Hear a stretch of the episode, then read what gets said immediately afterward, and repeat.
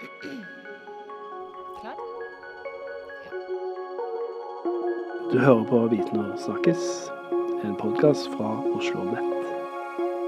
Hei, og takk for at du nå lytter til Viten og snakkes. Jeg heter Kjersti Thoresen, og i dag så skal jeg sette oss litt i beredskapsmodus.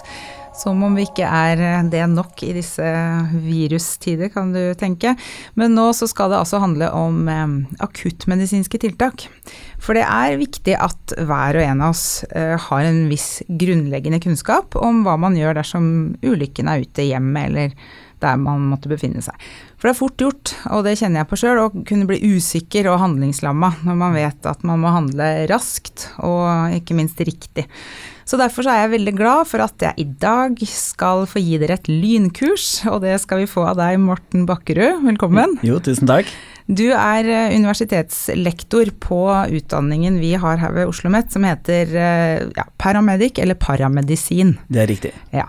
Kan ikke du, eh, før vi nå går løs på noen sånn konkrete råd og tips, fortell litt mer om den eh, utdanningen, hva, hva det er? Ja, altså vi, vi, er jo en utdanning som utdanner fremtidens ja, paramedic eller paramedisinere, som det vil nok bli værende hetende i fremtiden. Eh, hvor det da er 180 studiepoeng med ja, egentlig tre år spekket med mye, både medisin, akuttmedisin, fysiologi, eh, sykdomslære og praksis. Eh, så det er egentlig en god miks av alt. Ehm, akkurat i dag så testes eh, studentene mine i, i praktiske ferdigheter i, i skade for, altså skadetiltak, forebygging og, og måte behandling. Mm. Men det er altså de dere utdanner, det er de som skal jobbe i, i eh, det som man før kalte ambulansetjenesten? Ja. Eller de som kommer når man rett og slett ringer 113? Det er riktig. Ja. Altså når man da da, altså det vi utdanner er jo de som skal kunne jobbe i ambulansetjeneste, egentlig ambulansetjeneste, luftambulanse, forsvar. Eh, legevakter er også et arbeidsfelt som vi ser mer og mer rett mot. Eh, så det er egentlig de som skal jobbe i de prehospitale tjenestene i Norge. Mm. Og når du da sier prehospitale tjenesten, så er det det dere gjør av akuttiltak før pasienten havner på sykehus. Ja. Men må kanskje ikke alltid havne på sykehus heller? Nei da, det gjøres en vurdering når man ringer da medisinsk nødtelefon eller, eh, eller det blir bestilt et ambulanseoppdrag. Så gjør da den paramedisineren en vurdering, og, og vurderer da ut ifra det om det skal gjøres, iverksettes behandling, og, og eventuelt da også hvor pasienten bør sendes eh, og transporteres til. Mm. Min erfaring eh, med, eh, med, paramedisinere, da, hvis vi skal kalle det det mm. den, når vi snakker om det nå, det er at dere er så utrolig rolige når dere ankommer et skadested, for å si det sånn. da. Ja. Det virker som dere liksom aldri lar dere stresse, og da tenker jeg sånn altså det yrket er ikke for hvem som helst. Du kan ikke være mye nevrotisk for å, å ha, den, uh, ha, den, jobben der, tenker jeg. Nei, du må, du må, på en måte holde hodet kaldt, eh, som kan bruke det begrepet. Men det er klart at vi bruker et fint begrep som vi kaller skynde seg sakte. Uh, og det er klart at hvis du løper inn i et område, så mister du veldig mye informasjon. Så mye av egentlig utdanning går på det å få en breddekompetanse, sånn at når du er på vei inn i en hendelse, så er det jo om å gjøre å sanse mest mulig av det du kommer inn i, sånn at du får med deg mest mulig av forståelsen av det du på en måte nå skal eh, gjøre noe fornuftig ut av. Da. Mm. Så det er klart at du, du må på en måte være altså Som person så må du jo være først og fremst utadvendt, og du må på en måte være søkende. Um, og det er klart at eh, det er jo det mye av det vi utdanner i, er jo å få en vurderingskompetanse. Mm. Um, så, så, det er klart at um, Målet er å samle mest mulig data på veien inn til den hendelsen du er på på vei til. Mm. Men samtidig så må du jo på en måte Det ligger jo litt i mennesket at du må tåle stress godt. Altså du kan ikke la deg stresse opp, du må Nei. kunne beholde roen og Du må opptre ja. profesjonelt, som vi, mm. som vi, kaller det. Og det er klart at reaksjoner, det vil man jo ofte få. Men mm. de skal jo da måtte komme i ettertid, for det er klart mm. at når du står i en situasjon, så er du nødt til å agere ut ifra den situasjonen du står i, og da gjør det også profesjonelt. Mm. Men er det da for alle, eller er det, hva skal man liksom tenke på hvis man vurderer det yrket? Er det sånn at uh, du bør stille deg noen spørsmål? Du bør stille deg noen først. spørsmål, for det er klart mm. at uh, egnethet og skikkethet er jo noe vi setter høyt. Uh, og det er klart at derfor testes jo studentene mye mm. i de tre årene. både her på Oslo OsloMet, men også i praksis. Uh, og det er jo der vi får testa teori og praksis i ett, for mm. å se om det er en måte noe for studenten. Eh, og noen finner selvfølgelig ut underveis at eh, dette er kanskje ikke det rette, eh, og det er nok riktig i mange situasjoner. Fordi at eh, dette er, en, dette er et fag som selvfølgelig du, du, du, kommer, du kommer på jobb, men du vet ikke hva du skal gjøre i dag. Og det, det er klart at hvis du er ute etter forutsigbarhet, så er det feil yrke. Mm. Fordi at eh, det er jo ingenting i dette yrket som er forutsigbart. Nei, det, det skjønner jeg. Du har jo lang erfaring eh, sjøl. Mm. Eh, hva, hva er det beste med denne jobben, eh, syns du? Det beste med den jobben syns jeg er at det er utrolig allsidig. Det er et detektivarbeid. Du må alltid gå inn med et åpent sinn, og egentlig, selv om du er på vei til en hendelse eller et oppdrag hvor du på en måte har fått litt informasjon fra medisinsnødtelefonen i forhold til hva det kan dreie seg om, så er det ikke sikkert at det dreier seg om det i det hele tatt. Så at du må alltid på en måte gå inn åpent og på en måte tenke bredt før du begynner å eh, snevre deg inn fra muligheter til sannsynligheter i undersøkelsen din. Mm. Hvis vi skal gå litt over til, eh, til eh, brukerperspektivet her nå, da. Mm. Som oss vanlige mennesker der ute som plutselig kan oppleve at det skjer ting hvor vi trenger hjelp. Hvis vi, eller for å spørre litt først, hva er de vanligste type oppdragene? Nå har du jo nevnt eh, akkurat at det kan være hva som helst, og ofte er det ikke det man tror. Men hva er liksom de vanligste oppdragene dere, dere, dere får? Ja, altså Det vanligste oppdragene er jo de medisinske. Det er, det er klart at eh, eh, publikum og, og folk flest ser oss stort sett når vi kommer med blålys og sirener, og det, det ser spektakulært ut, eller spennende ut. Men, men det er klart at mye av oppdragene våre er vurderingsoppdrag eh, og transportoppdrag, hvor det egentlig kan være helt uavklart. Vi har sånn Akutt abdomen er jo et eh, sånt felt, eller sånt diagnose som brukes mye, og det betyr egentlig bare akutt vondt i magen f.eks. Mm. Og det kan jo være alt mulig. Så det er mye vurderingsturer. Um, og så er det selvfølgelig mye transporter til og fra institusjoner, til og fra og bopel. Men, men det er egentlig det er mye medisinske situasjoner. Mm. Så, Det, det, så er det er ikke alle situasjoner som er så akutte som de vi ser, som du sier? Nei, ikke i det hele tatt. Så det er klart at vi, det kjøres mye. Og ambulansetjenesten i Norge er Det, det er jo en, en tjeneste som brukes veldig mye, og Mm. den er jo bare økende forbruk av det. Mm. En ting som jeg tror mange tenker på eh, når eh, de er ute for noe, eller hvis det oppstår noe hjemme f.eks. Skal jeg ringe 113 nå, eller skal jeg ikke? Kan jeg liksom bry dem med dette? Er dette for stort, eller er dette, eller er dette for lite? Eller mm. ja, du skjønner. Når er- går det an å si noe om når er det greit å ringe, og når skal man ikke ringe? Det er klart at det, det vanskelige med det, å gi noen gode råd, er jo at eh, først og fremst så er det jo den som sitter i situasjonen, som kan vurdere hva som er måte eh, trusselbildet, eller hva jeg skal si. Det er jo den som er innringer som sitter på vurdering om dette er trussel nok til å ringe 113, eller det som eh, Skal jeg formulere meg riktig? Eh, hva som er eh, livstruende for meg, bør ikke være livstruende for deg. Og Derfor er det en subjektiv vurdering som innringer må gjøre. Eh, og vi, vi og de som sitter på medisinsk nødtelefon, de er jo på jobb. Eh, det er aldri galt å ringe medisinsk nødtelefon, men man skal selvfølgelig gjøre en vurdering. Og litt sånn som jeg tenker er at hvis det kan vente til morgen, så er nok ikke medisinsk nødtelefon det riktige stedet å ringe. Men hvis du føler at du er i en situasjon hvor du ikke kan håndtere det, og det er alvorlig, så er det, den, er det den som vurderer som på en måte må ta det standpunktet. Og det er aldri galt å ringe til medisinsk nødtelefon, for det er jo der sitter det en medisinsk operatør som gir deg råd og veiledning, og så blir det en vurdering ut ifra innringers informasjon i forhold til hva da medisinsk operatør på 113 gjør i forhold til å iverksette et oppdrag. Ja, for det er ikke slik da at når du har ringt 113 og begynner å snakke, så er det ikke automatisk en bil på vei til deg? Ikke i det hele tatt. Men det er med en, gang, med en gang du legger fram en problemstilling som medisinsk operatør tolker som alvorlig, så blir det sendt en bil samtidig mens de er i samtalen. fordi at det er også en, Da kommer det også en, en eh, ambulansekoordinator inn i bildet som sender da ressursene i tillegg til den medisinske operatøren som snakker med innringer. Mm. Ja, eh, nå tenkte jeg at vi skulle bevege oss litt over i dette lille lynkurset vårt i akuttmedisin. Eh, Ja. eh, så, så er det forresten slik som det sies at de fleste ulykker skjer i hjemmet? Ja, jeg vil jo påstå at vi klarer å gjøre det meste hjemme. Det, nå er det jo ingenting som overrasker lenger etter så mange år i dette faget, men øh, jeg syns mye skjer hjemme, ja. Hjemme og arbeidsplassen er øh, det typiske med en hovedsak hjemme. Ja. Um, vi får jo ikke gått inn på alt her, men jeg tenkte vi kunne skissere opp noen uh, scenarioer. Og så kan du få lov til å liksom, fortelle hva folk kan gjøre selv, frem til de eventuelt uh, måtte få hjelp. Da. Mm. Og litt forskjellig alvorlighetsgrader, selvfølgelig. Så vi kan jo begynne med litt sånn enkelt som ja, kuttskader eller sånne type um, skader hvor mm. det blir blødninger i større eller mindre grad. Ja. Her har jeg jo, for å si det, her har jeg jo et ferskt eksempel på, på søndag hvor jeg liksom Og det er litt sånn interessant ut ifra det at du sjøl har jo en opplevelse hvor alvorlig situasjonen er. Mm. Hvor jeg da smalt hånda opp i en spiss kant og fikk et ganske dypt kutt, mm. syns jeg selv, da. Mm. Og jeg tenkte gud jeg må dette sys, må det ikke? Skal jeg, skal jeg ringe legevakta, skal jeg bare stripse sjøl? Og ble veldig usikker. Det skjønner jeg. Og så, men det blødde ikke noe særlig da, ikke sant. Men så tenkte jeg jeg ringer legevakta spør, da. Mm. Og da fikk jeg et godt råd, for at alt må jo ikke sys. Nei. Men har du noen generelle råd? Hva gjør man hvis det oppstår eh, Hvis man skjærer seg dypt og det blør masse. Og, ja. Hvis det blør masse, det viktigste er jo å heve det blødende sted. Og det er jo alt du hever over hjertets høyde vil jo bli, eh, vil jo bli motstand. Så å heve det blødende sted er viktig.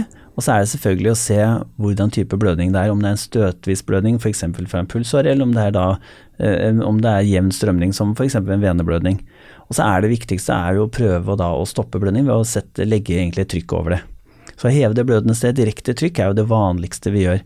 Um, og de fleste blødninger lar seg stoppe. Mm. Og det er ikke noe, bør ikke tenke på det med infeksjon og sånne ting. Det viktigste er egentlig å heve det blødende stedet og dekke det godt til. Mm. Uh, og så er det jo sånn som du sier i forhold til sår, hvis det spriker mer enn hvis du, hvis du prøver å få det sammen og det fortsatt spriker, så man jo, må man jo kanskje vurdere om det bør sys, men de fleste sår lar seg lukke veldig godt.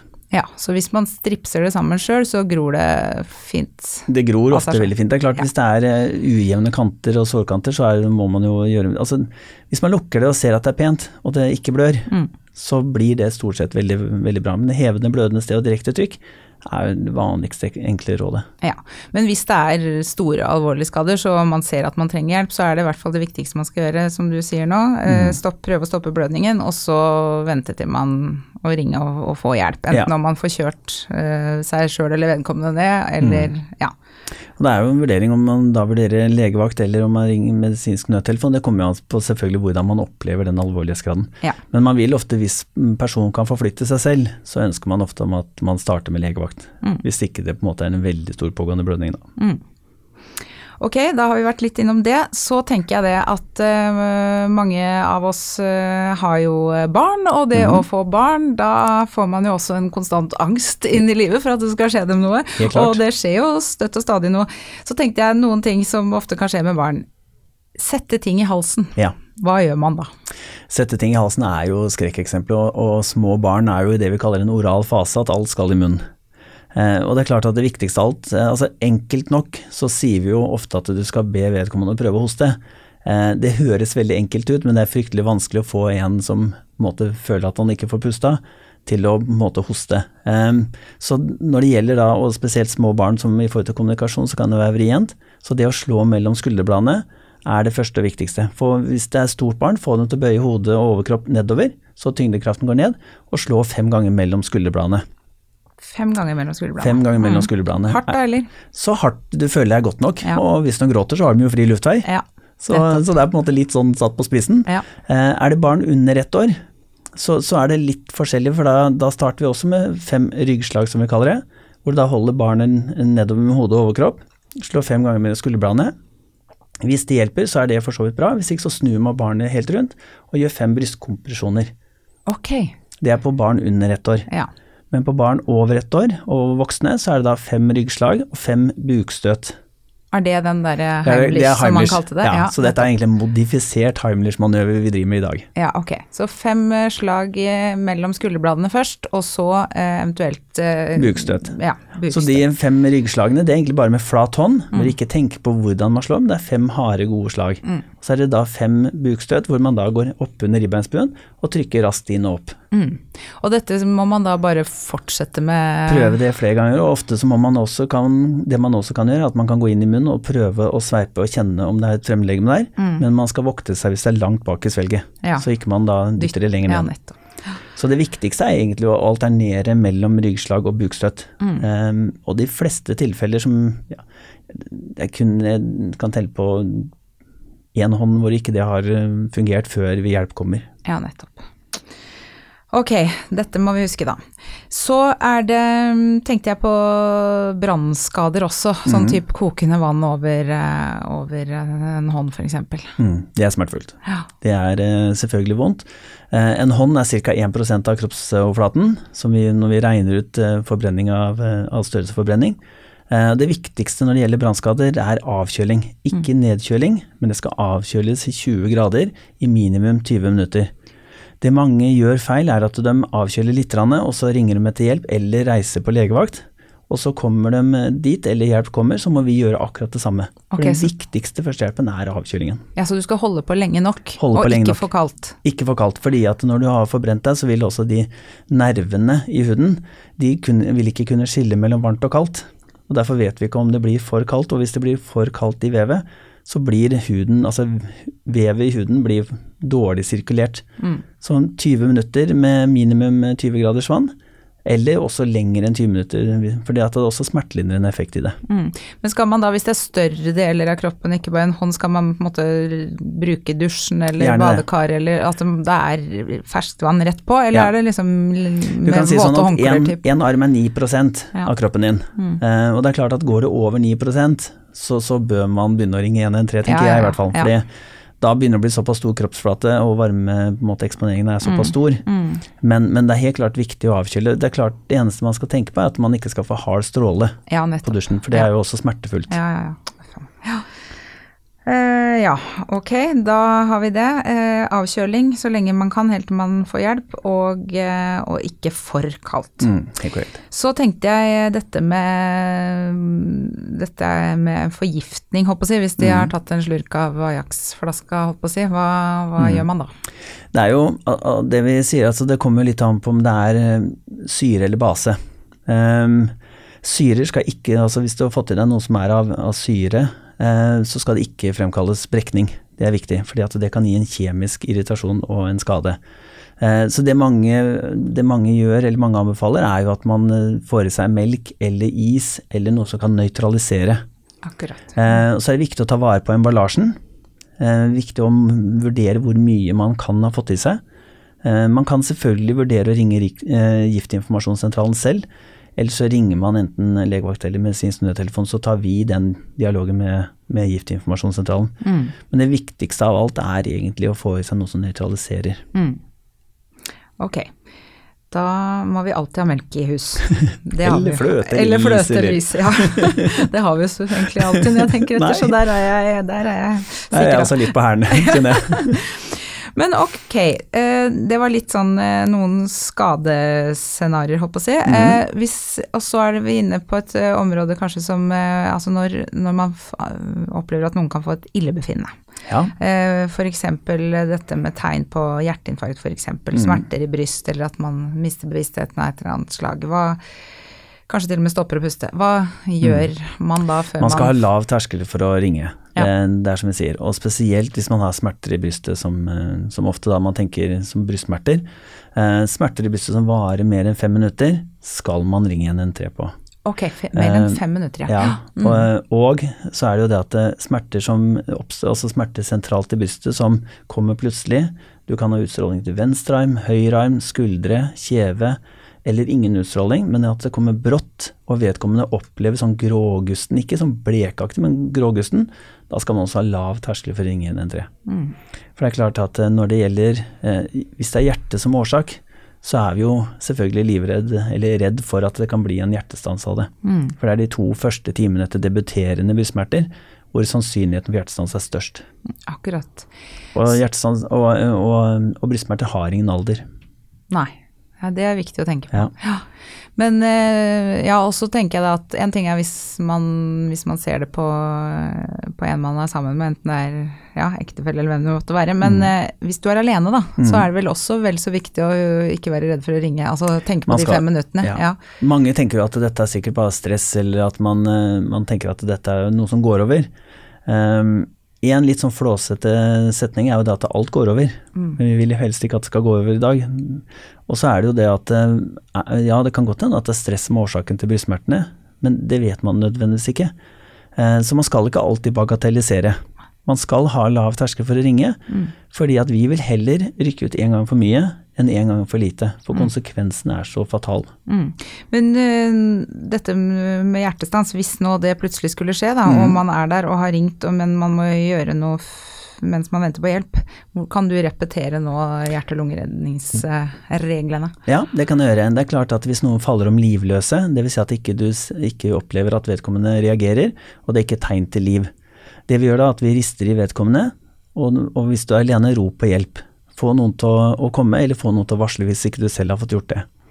Og så er det da å legge seg ned, sikre at lufta er fri ved å bøye hodet litt bakover og underkjeven frem.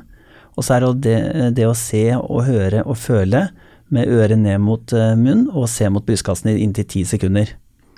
Hvis det da ikke er tegn til liv, så starter vi med hjerte-lungeredning. Og da starter man ved å stå på siden av vedkommende, eh, gjøre 30 kompresjoner midt mellom brystene, eh, midt på brystkassen, og det skal 5-6 cm ned. Man bør ikke tenke på dybden, man skal komprimere så dypt man kan. Og hastigheten skal være et sted mellom 100 til 120. Det er heller ikke så veldig vesentlig, bare at det skal være fort nok. Og etter 30 kompresjoner da, så er det to innblåsninger. To innblåsninger. Men så er det jo da i disse covid-19-tidene hvor faktisk eh, Norsk Restasjonsråd har eh, gått ut med anbefaling at man eh, skal kanskje vurdere å bare gjøre kompresjoner mens vi har denne epidemien nå. Ja, nettopp.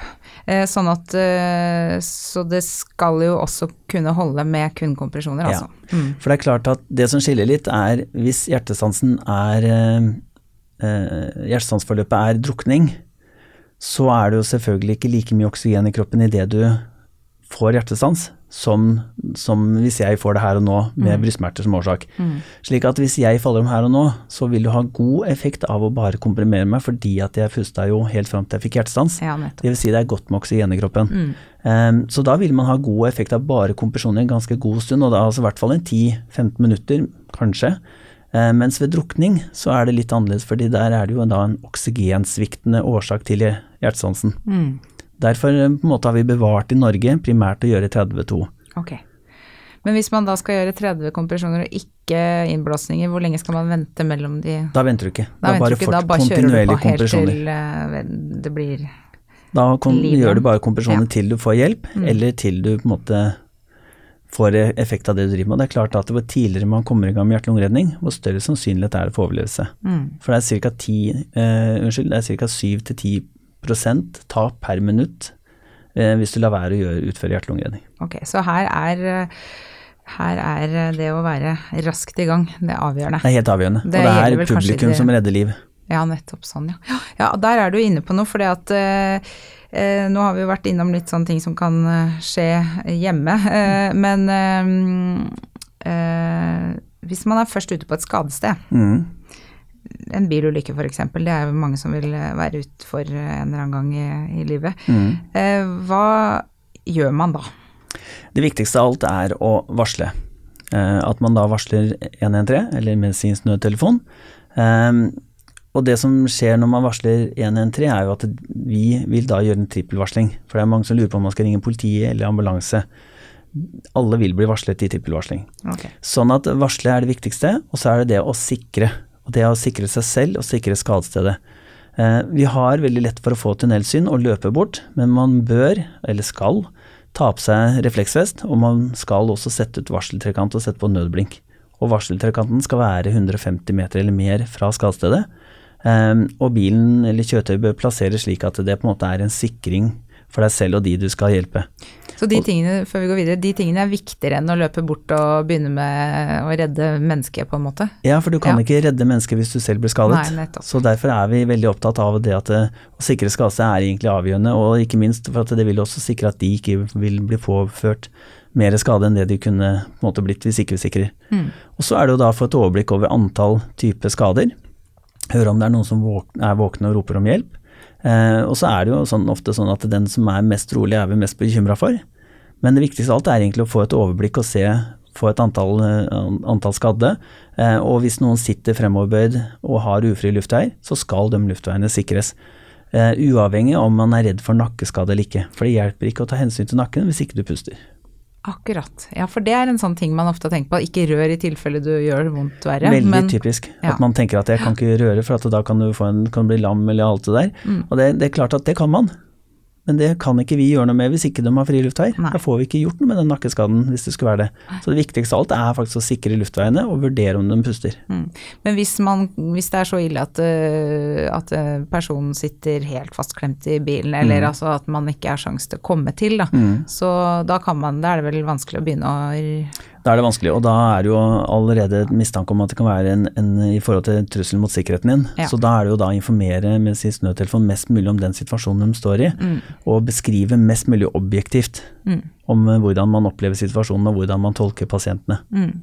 Hvor raskt er egentlig ambulansetjenesten eller på stedet, eller. Responstiden på, på akuttoppdrag eller kode 1 er jo ett minutt. Ja. Så eh, vi er jo eh, raske i kjøretøy. Ofte er jo ambulansen ute og ruller. Mm. Um, og det vil jo alltid bli sendt nærmeste ambulanse, også hvis det er pasient om bord. Hvis det er forenlig med å kunne reise dit, så vil jo da f.eks. da den som er fører av utrykningskjøretøy gå ut og gjøre da en first responder-vurdering. Mm. Så det vil alltid sende nærmeste ambulanse, pluss da de ytterligere som på en måte selvfølgelig settes på oppdraget. Eh, men det er klart at eh, det kommer jo an på hvor det er geografisk. Eh, og det er jo høy aktivitet i ambulansetjenesten i Norge, Mm. så det er klart at eh, det viktigste er egentlig å varsle så tidlig som mulig, sånn at man slipper å stå i situasjonen lenger enn man trenger, Mm. i og med at man vet at det tar tid. Ja. Åh, jeg blir helt sånn uh, svett når jeg snakker om dette her. Jeg kjenner jeg blir prega. Det er et veldig spennende felt, da. Ja, guri. Altså, ja, for å bare ta det med en gang. Jeg tenker liksom i hvilken grad eh, tar du med deg disse tingene hjem? Altså, sånn vil jo gjelde for veldig mange helsearbeidere, da, men liksom, det er jo ofte veldig dramatiske eh, ting dere er ute for, og, og, og syn dere får, holdt på å si. Altså, ja. Det er klart at eh, de første årene så tok jeg nok mye mer med meg hjem ting, eh, opplevelser, enn det jeg gjør i dag. Eh, det viktigste av alt er på en måte å erkjenne at hendelsene skjer, eh, og at vi er involvert i dem, men vår jobb er på en måte å gjøre det beste vi kan ut fra den situasjonen vi er satt i. Det er liksom sånn hva skal jeg si, overlevelsesmekanisme jeg kanskje har brukt for meg sjøl. Mm. Og så er det selvfølgelig mye man kunne vært foruten og opplevd, selvfølgelig, men det, det er på en måte en del av den, den delen av den Altså, hva skal jeg si eh, det, er, det er noe man må ta med seg i det spillet her, da. Mm. Eh, men det er klart at eh, det å ta med seg hjem er på en måte litt vanskelig, fordi hjemme har ikke noen forutsetning for å kunne sette seg inn i det du har opplevd. Så, så det er klart at du vil ikke få den responsen hvis du skal på en måte legge fram noe du syns selv har vært veldig på en måte, la oss si, eh, belastende eller, eh, eller også positivt på den, for den saks skyld, for de har ikke muligheten til å på en måte Nei. innleve seg i det. Men så det blir så abstrakt. Ja. Men har dere da et godt, eh, det vil jeg jo kanskje anta, at dere har et godt sånt miljø eller eh, rom internt for å på en måte snakke ut om tingene før dere sier takk for arbeidsdagen? Ja da, det er veldig, altså først og fremst er det veldig høy takhøyde, og det, det må det være. fordi det er klart at eh, det er viktig å snakke ut om, eh, om hendelser som, som er belastende, og det er også viktig å snakke ut om hendelser som ikke nødvendigvis er det. Mm. for vi vet jo ikke hva som er nok før vi på en måte opplever det. Eh, Så det viktigste egentlig, hva skal jeg si, den viktigste dialogen du har er egentlig den defusingen som vi kaller det, med da enten kollegaen din eller de kollegene som har vært involvert i samme hendelse. Det er faktisk den viktigste, og det man ofte ser i en sånn såkalt defusing eller debrifing, er at man i starten snakker man eh, veldig mye om det tekniske, om hva som gikk galt og at utstyret ikke virka sånn. Eh, det er veldig lett å henge det på det, men etter hvert når man på en måte kommer litt inn i det, så får man kanskje litt litt mer på personlig plan, og så er det sånn at når man har prata en stund, så begynner man å skli ut, og da er det på en måte litt ferdig for denne runden. Og det, men det viktigste samtalen er egentlig med kolleger. Ja. Det formelle debrifinger og sånn som man kan se ved store hendelser, det, det gjøres egentlig mye mindre grad enn det den praten på vaktrommet med en kaffe og sånne ting. Den er egentlig den viktigste. Ja, ja det, det skjønner jeg. Det høres ut som dere har et godt, eh, godt eh, samhold innad i, i yrkesgruppa. Ja, altså det er jo, ja, det, det er klart at du blir jo eksponert for veldig mye, og, og du, heldigvis så er vi jo, det som er bra med, på en måte, hvis du ser med ambulanseøyne, vi er jo to. Og, og det er jo det som er fint, vi har jo alltid, altså, du har jo alltid en kollega, en makker å måtte måte lene deg på. Og det er jo noe av det viktigste i en sånn pasient, eh, pasientbehandlingsøyemed, at vi, to hoder på en måte tenker bedre enn ett. Eh, nå har vi vært inne på noen ulike situasjoner og hva man skal tenke på. Mm. og vi kunne ha snakka om masse mer, men hvis vi skal oppsummere litt avslutningsvis, hva er det viktigste å tenke på for, for folk når det skulle måtte oppstå noe? Det viktigste er jo å, hvis det skulle plutselig oppstå noe, uansett om det er hjemme eller andre steder, er jo å gjøre en vurdering om dette kan være på en, måte, en trussel mot den personen eller ikke. Da i form av det kan være eh, Det kommer selvfølgelig an på situasjonen, men det er klart at man må gjøre en vurdering. Er dette noe som på en måte er greit? Er det noe jeg må gjøre noen tiltak på, eller er det noe jeg må ringe? Så er det jo det at hvis det får til det med, med legevakt, ja legevakt og, og, fastlege, det er kanskje mer ting som kan vente, men er det noe som truer personen i forhold til spesielt ABC som vi kaller det, altså luftveis og airways, breathing og circulation, er det noe som truer ABC på en person, så, så skal man ha lav terskel for å ringe, eh, og man skal vurdere om det på en måte er behov for å gjøre tiltak. Mm. Så er det jo bare det, da, at uh, det å klare å beholde roen og, og ja. huske på disse tingene som vi har uh, vært innom her i dag, dette med 30 kompresjoner og to innblåsninger, og dette med fem slag i ryggen hvis man har mm. satt noe i halsen osv. Det, er det, det er det jeg tenker på, at man fort mm. kan bli stressa. Så, ja. Og, men, ja. og i den, den sammenheng står man i en sånn situasjon hvor man føler på det akkurat det du sier der, så skal man ikke være redd for å ringe med sin snøtelefon på 113. For det er klart at den viktigste jobben til operatørene på 113 er jo å gi råd og veiledning. Mm. Og som sagt, som vi snakket om tidligere, så er det ikke dermed sagt at det alltid kommer en ambulanse. Mm. Men, men, du kan ingen som forventer at du skal kunne alt. Så én telefon for mye er bedre enn én for lite? Heller det. Heller det. Tusen takk, Morten. Nå har jeg blitt mye klokere, og jeg håper flere av lytterne har fått noen viktige påminnelser også. Så tusen takk for at du delte kunnskapen din her, og takk for den innsatsen dere gjør for oss andre der ute i samfunnet. Bare hyggelig. Tusen takk for det, og tusen takk for at jeg ble invitert. Bare hyggelig. Og tusen takk til dere som hørte på, og last gjerne ned noen andre Viten og snakkes-episoder i din podkast-app. Vi høres!